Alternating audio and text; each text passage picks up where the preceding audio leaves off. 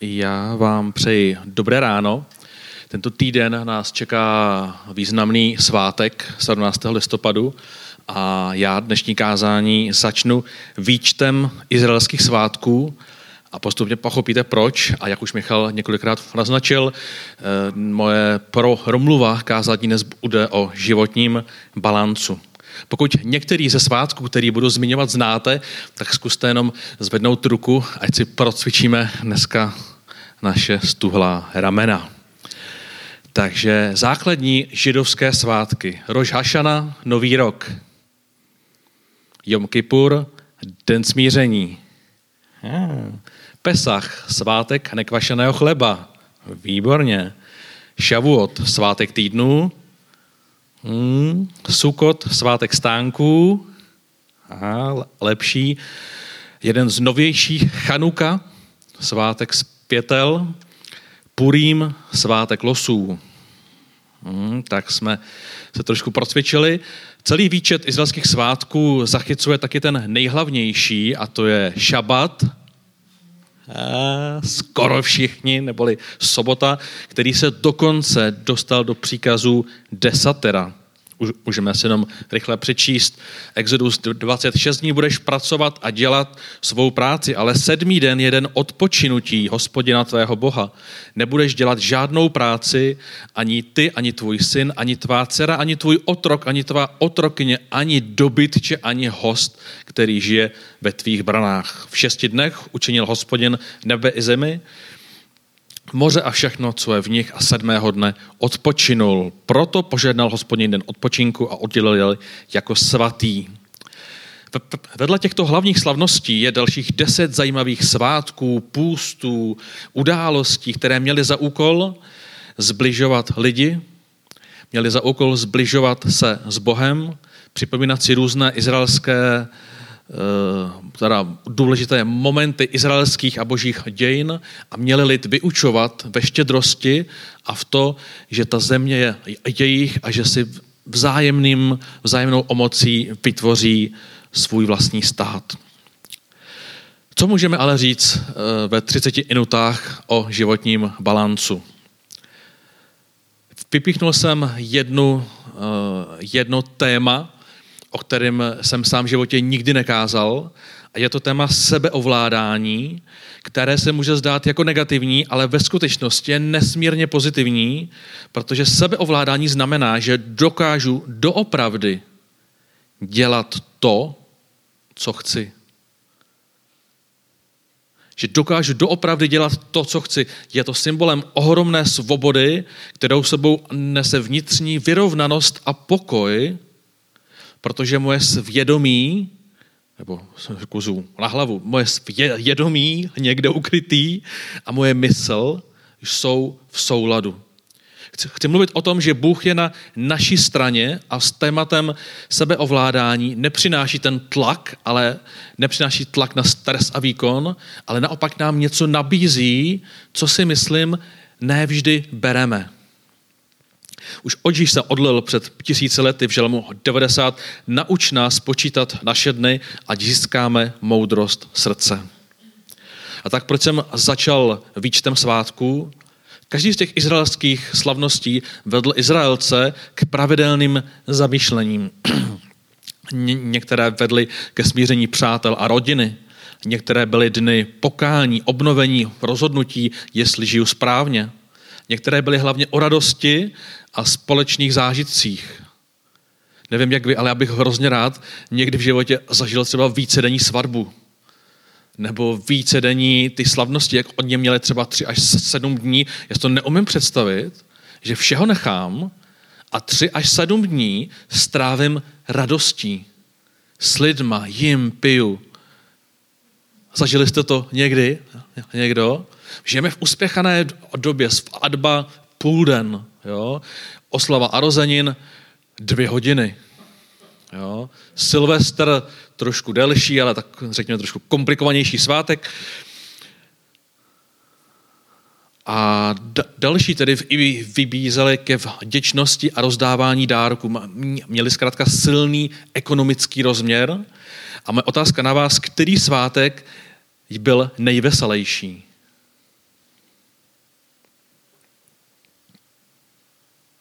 Hmm. Byl to paradoxně ten, který připomínal jednu z nejhorších epizod dějin. A byl to svátek Purim. Eh, Purim připomíná události, které jsou zaznamenány v knize Ester, je slaven čtením biblické knihy Ester, během kterého celá obec spustí rámus při jakékoliv zmínce jména Haman. Haman měl vyhubit tenkrát uh, Izrael. A divadelním příběhem, divadelním sehráním příběhu Ester docházelo k obdarováváním chudých a k posíláním dárků a karnevalem. Někoho z vás může zajímat právě ten nejveselější moment, velice sporný, velice sporný, zvyk pití ad dela jado, aramejsky, dokud nebude vědět, souvisí s povinností opít se tak, aby dotyčný rozeznal rozdíl mezi prokletým Hanam, Hamanem a požehnaným Ordechajem. Nechám na vás, ať si zpracujete eh, to poselství, ale je uváděn jako nejveselější izraelský svátek. Při každém svátku se četly nějaké biblické či historické texty, a když říkám, že Bůh je na naší straně, nemyslím tím, že bychom měli kopírovat židovské svátky, ačkoliv v příštím roce v březnu se budeme chtít přiblížit židovskému išlení a některé svátky si tady zkusíme prožít se zajímavým hostem. Chci mluvit o sebeovládání jako o boží moci, kterou v souvislosti s životním balancem můžeme od Boha získávat. Najdeme ho, věděli byste kde? V Bibli? Je to v Galackým, je to v knize Galackým. A než se k němu dostaneme, řekněme si pár slov o celém listu do Galácie. Každá kniha má totiž nějaké téma, má nějaký důvod svého sepsání a je důležité, abychom verši a pasáže, které se nám líbí, tak abychom je viděli v kontextu celé knihy jakkoliv miluju tu současnou aplikaci YouVersion, která reaguje na naše zrychlené životy, aby jsme měli ty čtecí plány a na, na, na každý den jsme si přečetli nějaký verš, ne? Eh, tak, tak to, co ta aplikace úplně neumí, je, je to, že nám nevysvětluje, co ty verše znamenají v kontextu celých těch, těch knih, ale prostě jenom vytahuje konkrétní myšlenky, které my čteme jako slova bez toho proč to říká, komu to říká, co říkal předtím. A je důležité si klást také otázku, kdo napsal knihu Galackým, jaký byl ten účel, co byl ten hlavní záměr? A my si dneska tak ve zkratce zkusíme říct, o co jde a proč tam ten dár, respektive ta boží moc reprezentovaná sebeovládáním byla vložena církvi totiž v prvním století byl neustálý zápas, zda mají křesťané a obrácení pohané do, dodržovat zvyky a tradice židovské víry. Furt se hádali o tom, když jsi uvěřil, musíš se obřezat, tohle musíš jíst, tohle nesmíš jíst. Máme tady starý tra, tradice tyto knihy, speciálně k Alackým, právě ukazuje tyto tradice v souvislosti s tím, že Ježíš Kristus přináší něco nového, něco čerstvého. A ten hlavní text je k Aleckým 2.15, který se právě zdá méně srozumitelný a my si zkusíme říct, eh, jak překládat ty důležité pasáže. Takže Pavel říká, my jsme arození, že židé a nehříšní pohané, víme však, že člověk se nestává spravedlivým před Bohem na základě skutků přikázaných zákonem, ale vírou. Vidíme to na, na, na pětí nějaký zákon a víra v Ježíše Krista. I my jsme uvěřili v Krista, abychom došli z spravedlnosti, z víry a ne ze dodržování nějakých starých pravidel, ze skutků zákona. Vždy ze skutků zákona nebude někde ospravedlněn. Jestliže hledáme ospravedlnění v Kristu a jsme tedy zřejmě i my hříšníci, je snad proto Kristus služebníkem hříchu? Naprosto ne. Jestliže chci znovu stavět, což jsem dříve zbořil, usvědčuji sám sebe jako vyníka před zákonem. Já však jsem mrtev pro zákon, abych žil, abych živ byl pro Boha. Jsem ukřižován spolu s Kristem, nežiju už já, ale žije ve mně Kristus. A život, který zde nyní žijí, žijí ve víře Syna Božího, který si mne zamiloval a vydal sebe samého za mne. Nepohrdám boží milostí. Kdybychom mohli to sáhnout totiž spravedlnosti skrze zákon, byla by Kristova smrt zbytečná. Avel v několika listech motivuje čtenáře, aby nevyměňovali živý vztah s Ježíšem za a píše za dodržování zákona, ale to nám nic neříká, že? Protože my nejsme židi, my nestudujeme židovský zákon, takže si potřebujeme při čtení těchto pasáží naučit tyto pasáže vyměnit za něco, co je důležité pro naši dobu.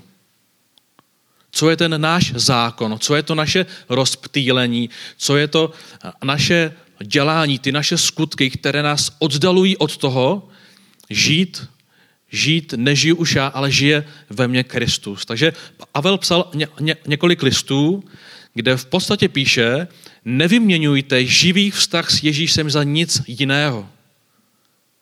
Nevyměňujte živý vztah s Kristem za nic jiného.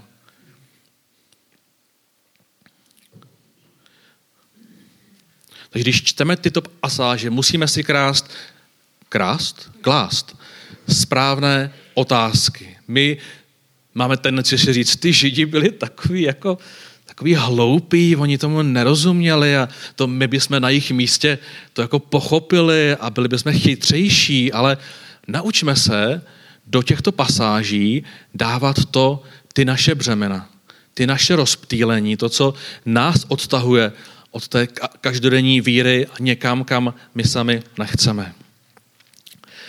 Pavel dokonce tak hodlí pro rok, rok Krista, že když vidí kolem sebe přátelé, kteří právě odcházejí, kteří propadají tomu zákonu, tak se je nebojí konfrontovat.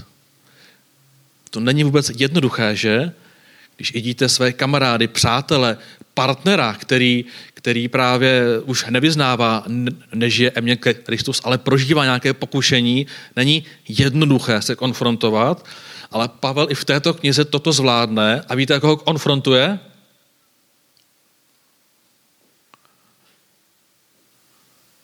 Koho Pavel konfrontuje? Toho, na které má stát celá nová církev. Kritizuje apoštola Petra. Říká, když pak Petr přišel do Antioche, postavil jsem se otevřeně proti němu, protože byl zřejmě v neprávu.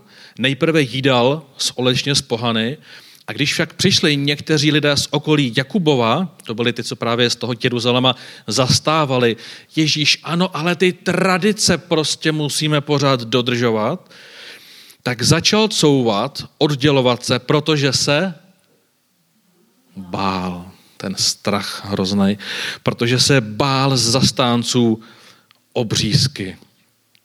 A spolu s ním se takto pokrytecky chovali i ostatní židé, takže jejich pokrytectvím se dal starnout i jeho duchovní učitel, jeho duchovní otec apoštola Pavla, dal se jim starnout i Barnabáš. Když jsem viděl, že nejdou přímo za pravdu Evangelia, řekl jsem Petrovi předevšemi.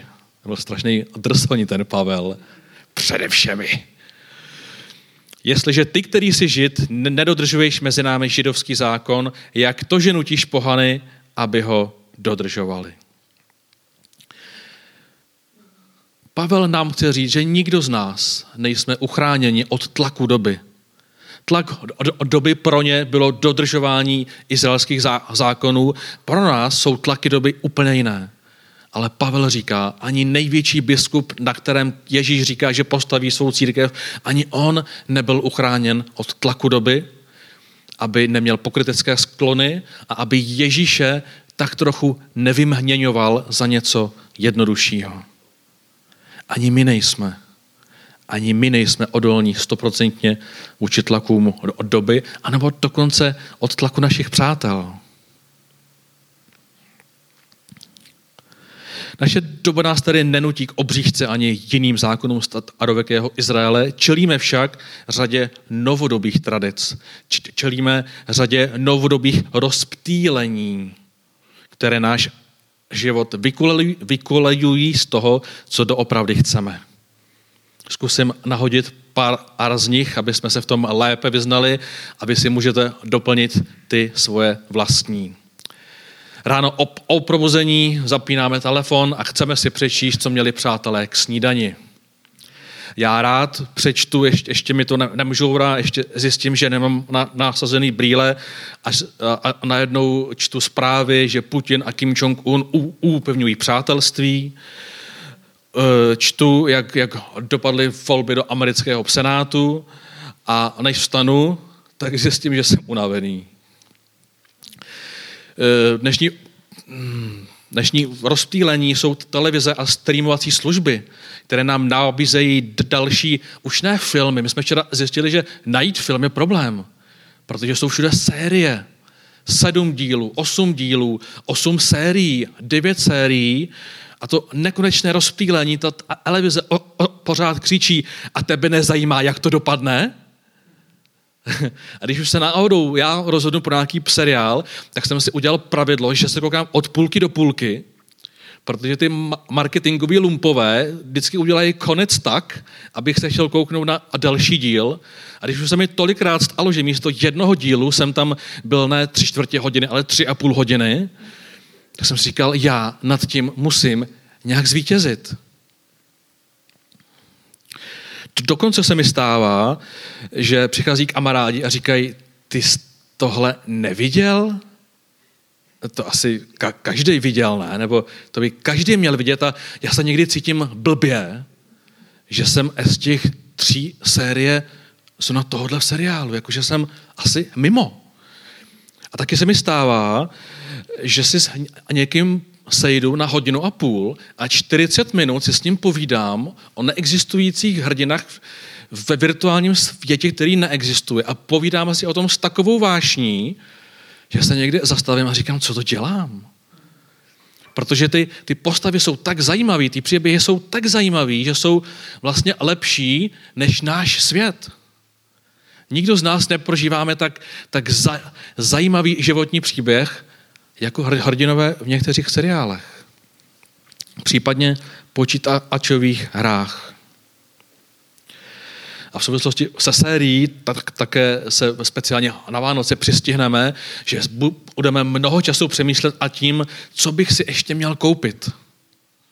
Co bych si ještě měl koupit to, do počítače, nebo na ruku, nebo do vlasu, nebo na sebe. A, a přijdeme o Vánocích a to je samozřejmě jako hezký a, a dobrý a, a budeme si všímat toho druhého. A ty jsi něco dostal novýho, to je to dávání dárků, ale, ale i to je to nekonečné rozstýlení. Co ještě potřebuju? Co ještě si potřebuju koupit? A pro, pro mě bylo krásný a zároveň děsivý, když jsem mohl být minulý před dvěma měsíci v Austrálii, kde je takový jako bohatství, že oni už mají ale jako úplně všechno a oni se někteří už jako úplně nudí, že neví, co mají dělat. Už mají ty dvě auta s těma 500 koňma, mají karavan, který jsem v životě v Evropě neviděl, a mají dům, vyhřejvaný bazén, osm místností, tam bylo takový bohatství, že někteří lidé říkali, my už nevíme, co máme dělat, my už nevíme, co si máme koupit. A tak mají místnosti, kde mají domácí kina. To není obývák, to je další místnost, kde je domácí kino a tam mají ty sedačky z těch kin, kde se může takhle tak štelovat. A říkám, koukáte se na to? A někteří mi řekli, hele, už ne, nás už ani nebaví se koukat na ten film, a o to víc mě právě zaujala církev, která silně vyznávala, nežiji už já, ale žije e mě Kristus. A někteří z těch lidí opravdu velkým způsobem žehnali projekty, ať už v Austrálii nebo, nebo v azijských částech. Zaujal, třeba, zaujal mě třeba projekt Red Frogs, kdy mladí lidé, tak jako my máme novou generaci, která chodí do škol, tak oni mají organizaci, která chodí do klubů, na párty, na pláži, jak oni tam furt plavou a surfujou a pomáhají opilým mladým lidem doplňovat ekutiny a poté kázat víru. A Red Frog jsou něco jako gumoví medvídci, a, a ta společnost jim ty gumový medvídky dává zdarma a za minulý rok jich rozdali 40 tun.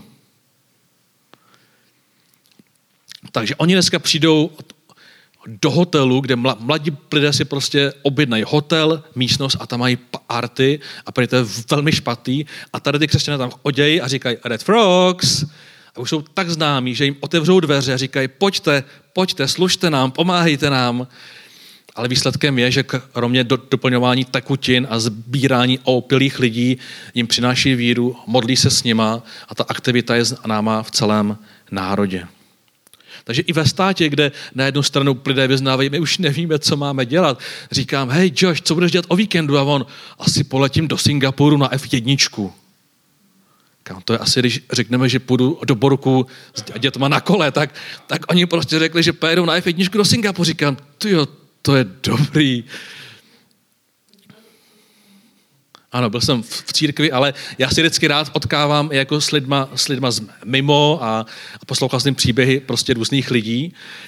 Ale viděl jsem, že, že mnozí lidé v církvi právě tím zápasem sebeovládání říkali, neži už já, ale žije ve mně Kristus.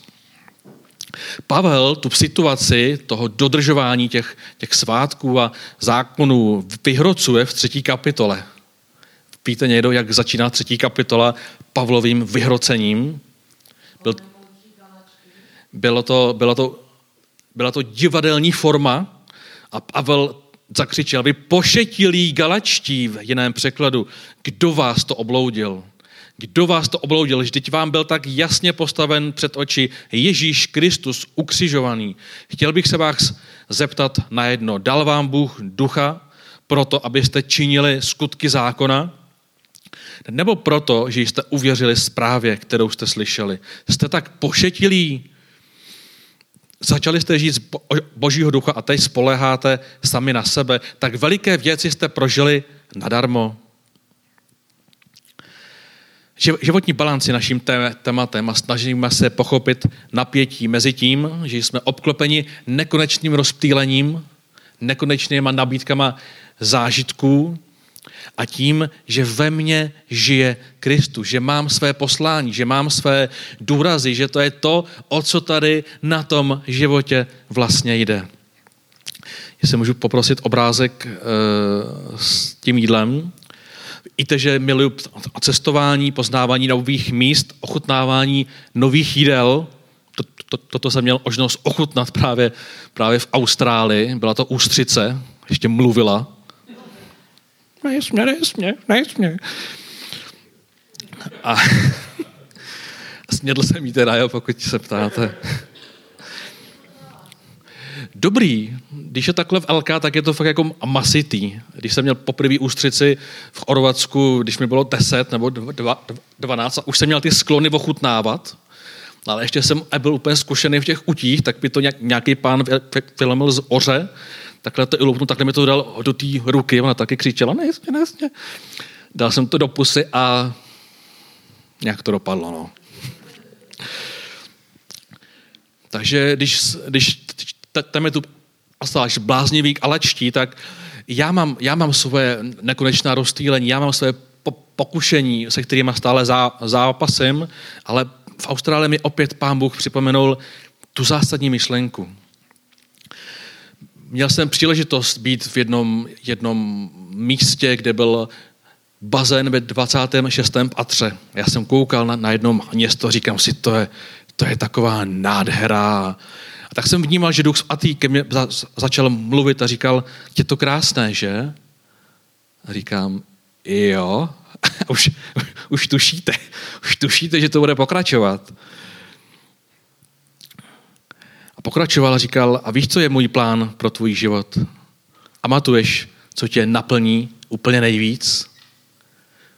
A jsem říkal, jo, jo, já si musím připomínat, že to, že boží přítomnost, to, co mě nejvíc vždycky naplňuje k čemu já se potřebuju vracet, to, k čemu apoštol Pavel mě vyzývá skrz tento text je, že to, co mě opravdu naplní, je to, že boží přítomnost proudí skrze můj život do životů dalších lidí, když dělám to, co pro mě nebo k čemu mě Bůh stvořil, když ho potkávám v modlitbě a udělám si na něj pořádný čas.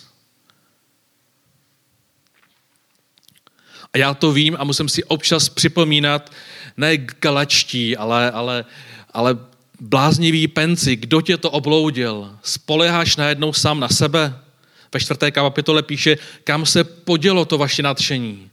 Je to v pořádku, je to v pořádku, že člověk žije na té hor, horské dráze, ale o maličku se dostaneme právě k tomu sebeovládání, které není břemeno, ale která je nabídkou, které je darem. A tak si někdy říkám, kdo mě to opravdu obloudil, když opět koukám na ten seriál, i když jsem měl v plánu a něco jiného když možná někteří řeknete, nesmím si dát alší skleničku, ale kamarád řekne, co blbneš, co děláš, tak si dej ještě druhou a najednou místo hoďky, místo jednoho piva, tam je člověk dvě hodiny a tři hodiny. Nebo jsem dokonce zjistil, když jsem hledal se přiblížení k tamhle k mladému světu, že existují Reels a já jsem si říkal, kouknu se na dvě videa Reels, to jsou taky 15 vteřinový videa a můj David mi říká, na dvě, to je blbost, tam strávíš tak půl hoďky. Říkám, ne, já se kouknu na dvě a pak to vypnu.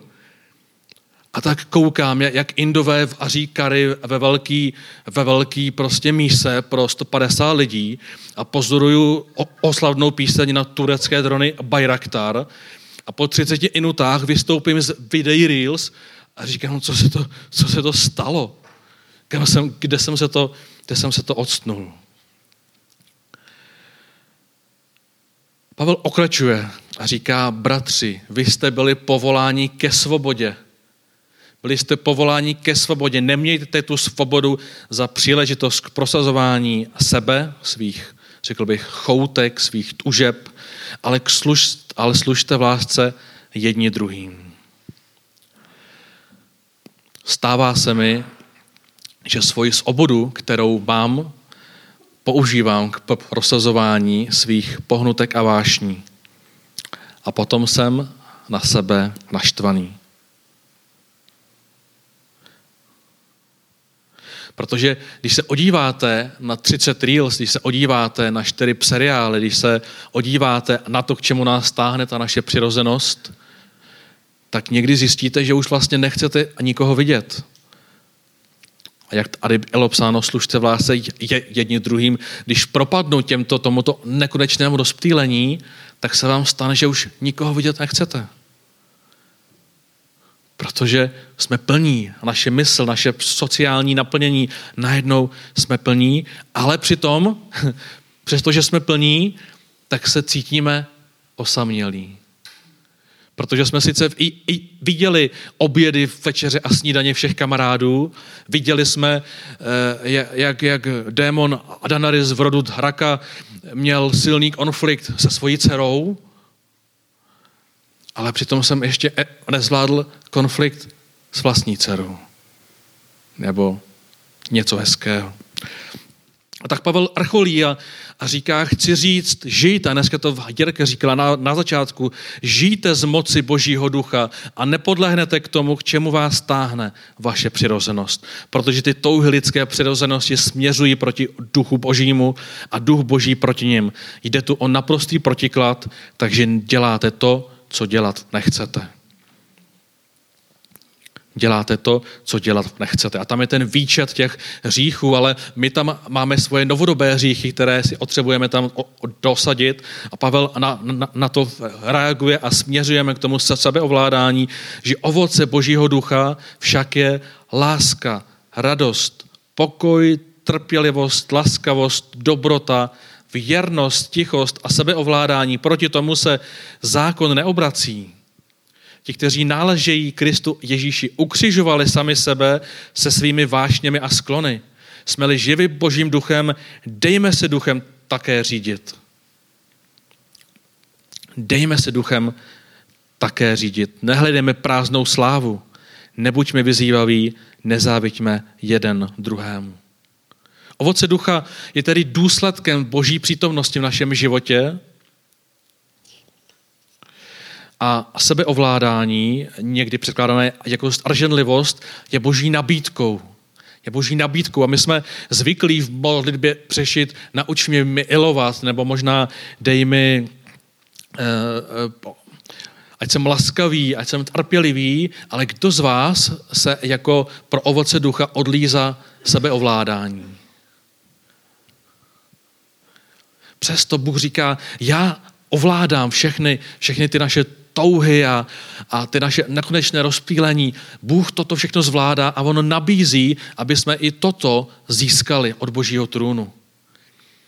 Aby jsme toto sebeovládání, když si říkáme, už bych to nechtěl, nechci to dělat. A ono to často není hřích si pustit další díl seriálu, nebo, nebo další hru, nebo 180.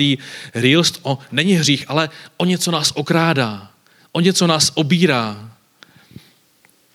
A my máme právo přijít k Bohu a říct, potřebuji, abys mě naučil to sebeovládání v mém životě. A vidíme postavy ve starém zákoně, které toto také uměli, jako třeba Josef, který je vyzván k tomu, aby se vyspal s majitelkou toho, toho domu, tak utíká.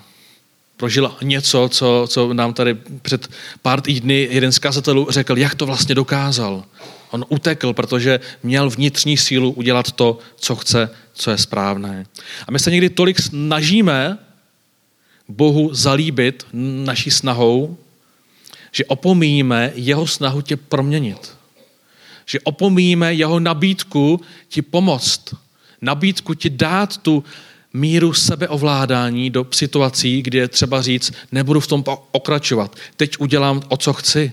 Nebo když tě kamarád svádí a řekne, je, tak to nehroď, tak si dej ještě jednu skleničku. A ty řekneš, to už si říkal při té třetí a, a, a u té druhé. A, a my řekneme, já už si to prostě nedám.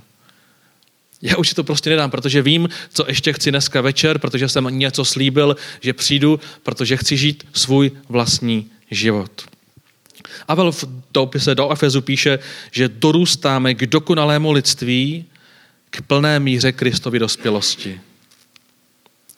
Není to, že to buď máme nebo nemáme, my celý život dorůstáme, ale chci vás pozbudit, abychom se naučili s Bohem odlit a sdílet o sebeovládání. Protože stejně jako máme zkušenosti s tím, že milujeme lidi, kterým rozumíme, že máme trpělivost my, se kterými trpělivost mít chceme, tak ta stejná nabídka platí o sebeovládání.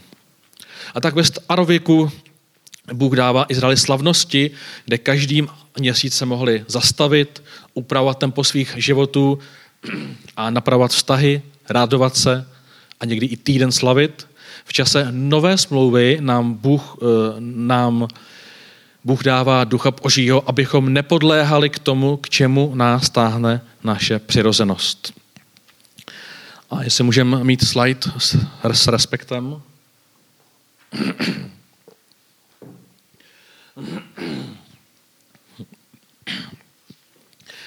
Poslední myšlenka je o tom, jak je opravdu těžké v dnešní době obstát v tématu sebeovládání. A zmíním vám studii Johana Harryho, který v knize Odcizená koncentrace sdílí výsledek tříleté studie s desítkami expertů z celého světa. A Harry to kládá na vlastním příkladu, že měl potíže se soustředit a tak automaticky obvinil sám sebe, říkal si, jsem líný, mám nedostatečnou disciplínu, nejsem schopen odolat cinkajícím notifikacím na telefonu, případně ve hrách. Předpoklad té studie byl, že člověk má slabou disciplínu a vůli, ale Harry zjistil a i jeho kamarádi specialisté na, na, na téma vůle, že i ti největší specialisté, kteří trénovali svoji sebedisciplínu, tak když si nainstalovali hry do telefonu, tak jim nebyli schopni odolat. A tak se zjistilo, že naše pozornost je skutečně oslabovaná tím počítačem, počítačovým virtuálním prostředím, protože je to řízeno armádou mimořádně chytrých lidí, kteří za pomoci hluboké znalosti lidské psychiky vymýšlejí další a další způsoby, jak člověka udržet ve virtuálním prostoru. Je spousta technik, řeknu vám jenom jednu, nástroj zvaný nekonečná zeď. A to, že když si dáte zprávy, tak tam není stránka, ale vy furt rolujete, rolujete. A jenom tady ta blbost nekonečné zdi zvýšila v průměru uh, bytí ve virtuálním prostoru o 50 až 100% a u lidí se slabou vůlí o 1000 A proto Facebook a Instagram je nekonečný, protože to je psychologická věc, jak vás tam udržet násobně dlouho. A těchto, těchto technologií je mnoho a mnoho. Proto ten výsledek té studie říká, že, že bojujeme proti armádě mimořádně chytrých lidí, jejichž úkolem jsou placený za to, aby tě udrželi v televizi, aby tě udrželi ve virtuálním prostoru, případně na sociálních sítích. A proto se v americkém senátu snaží prosadit, aby některé marketingové nástroje byly vysloveně zakázány, nebyly tak vysoce návykové, protože tak jako zajišťujeme bezpečnost na silnicích, tak se diskutuje o tom, že potřebujeme zajistit bezpečnost ve virtuálním prostoru. Existuje dneska dokonce žebříček závislostních her, jako je Fortnite, a, a dneska novinka Fall Guys. Víte, proč hra Fall Guys je velmi oblíbená? Protože si u postavičky můžete po každý změnit skin. Protože si po každý hrajete za banánek, pak hrajete za kytičku, pak hrajete za rytíře. A když chcete banánek, tak to stojí, a Davide, kolik? 120 korun?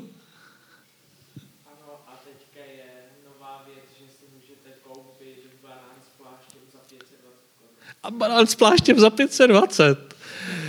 Uh, náš kamarád si před, v době covidu koupil skiny 13-letý kluk za 10 tisíc korun v České republice. A, a jsou dva skiny, které byly prodány za nej, největší ožnou cenu. Kolik byste typli, že člověk dá za obrázek zbraně, kterou takhle vidí před sebou? Když to víš, tak to nemáš prozrazovat, ale je to 16 milionů korun a najednou máte zbraň AK-47, která tam takhle má číslo s očtama kilů, kolik jste už zabili, takže to všichni vidějí a má tam modrou barvičku na hledáčku. A říká se, že čím lepší modrá, tím dražší skin. Jo, dobře.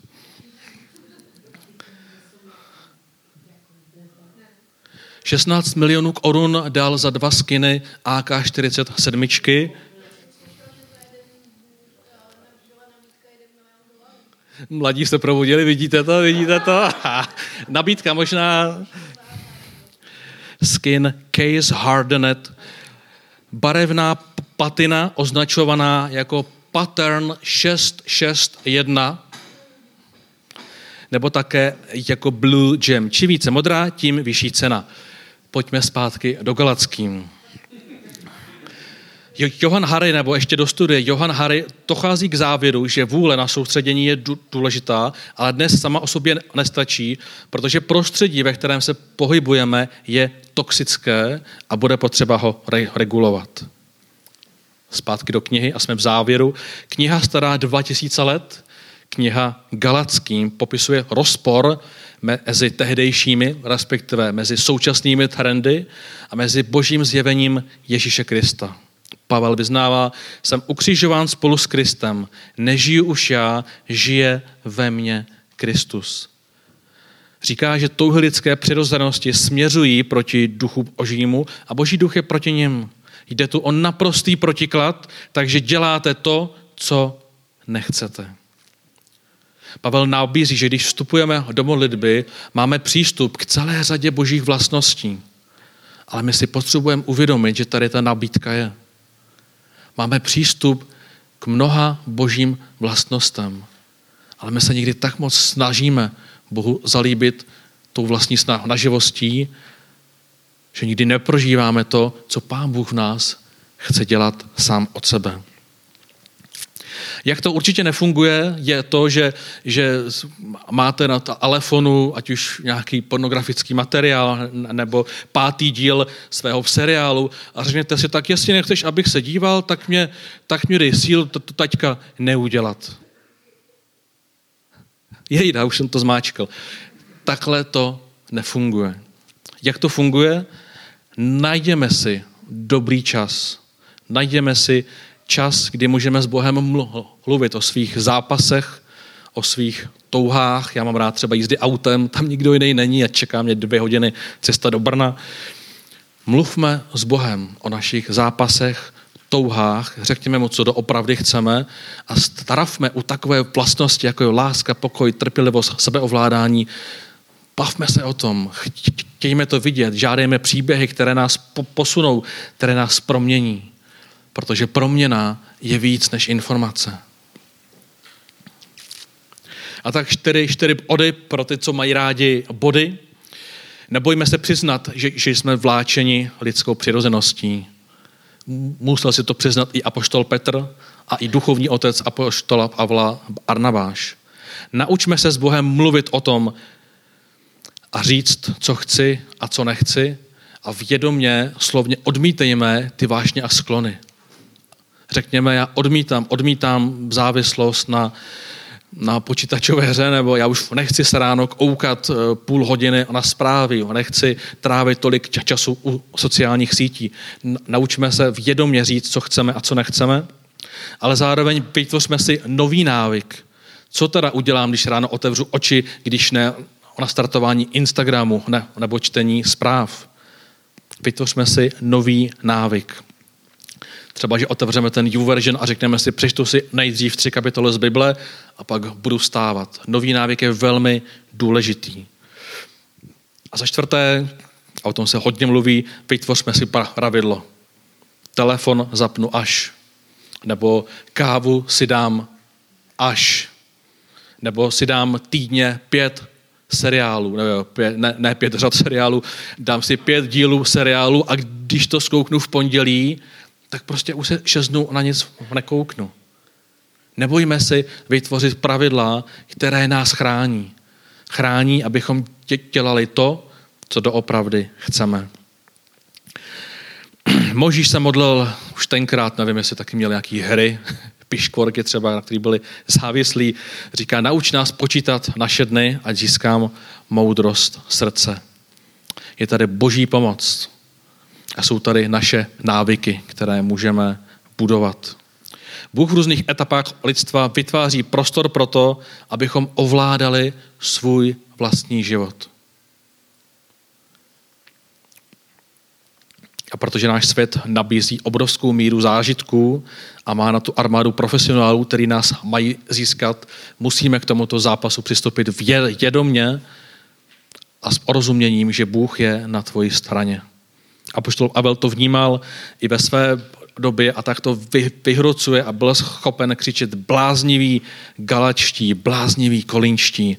Nenechme se obloudit od nekonečného rozptýlení. A tak pokud se mnou dneska chceš vyznat, že chci žít svobodný život, pokud chceš vyznat, že chceš, žít, že chceš žít z moci Božího ducha a nepodlehnout, k čemu tě táhne tvoje přirozenost, pak, jsme, pak se pojďme Eďka chvíli odlit a vyšleme tu modlitbu, že chceme, aby ten duch sebeovládání mohl v nás posílit. A až přijdete domů, tak přemýšlejte nad novým návykem, případně nad pravidlem, které si dáte pro to, abyste dělali to, co doopravdy chcete.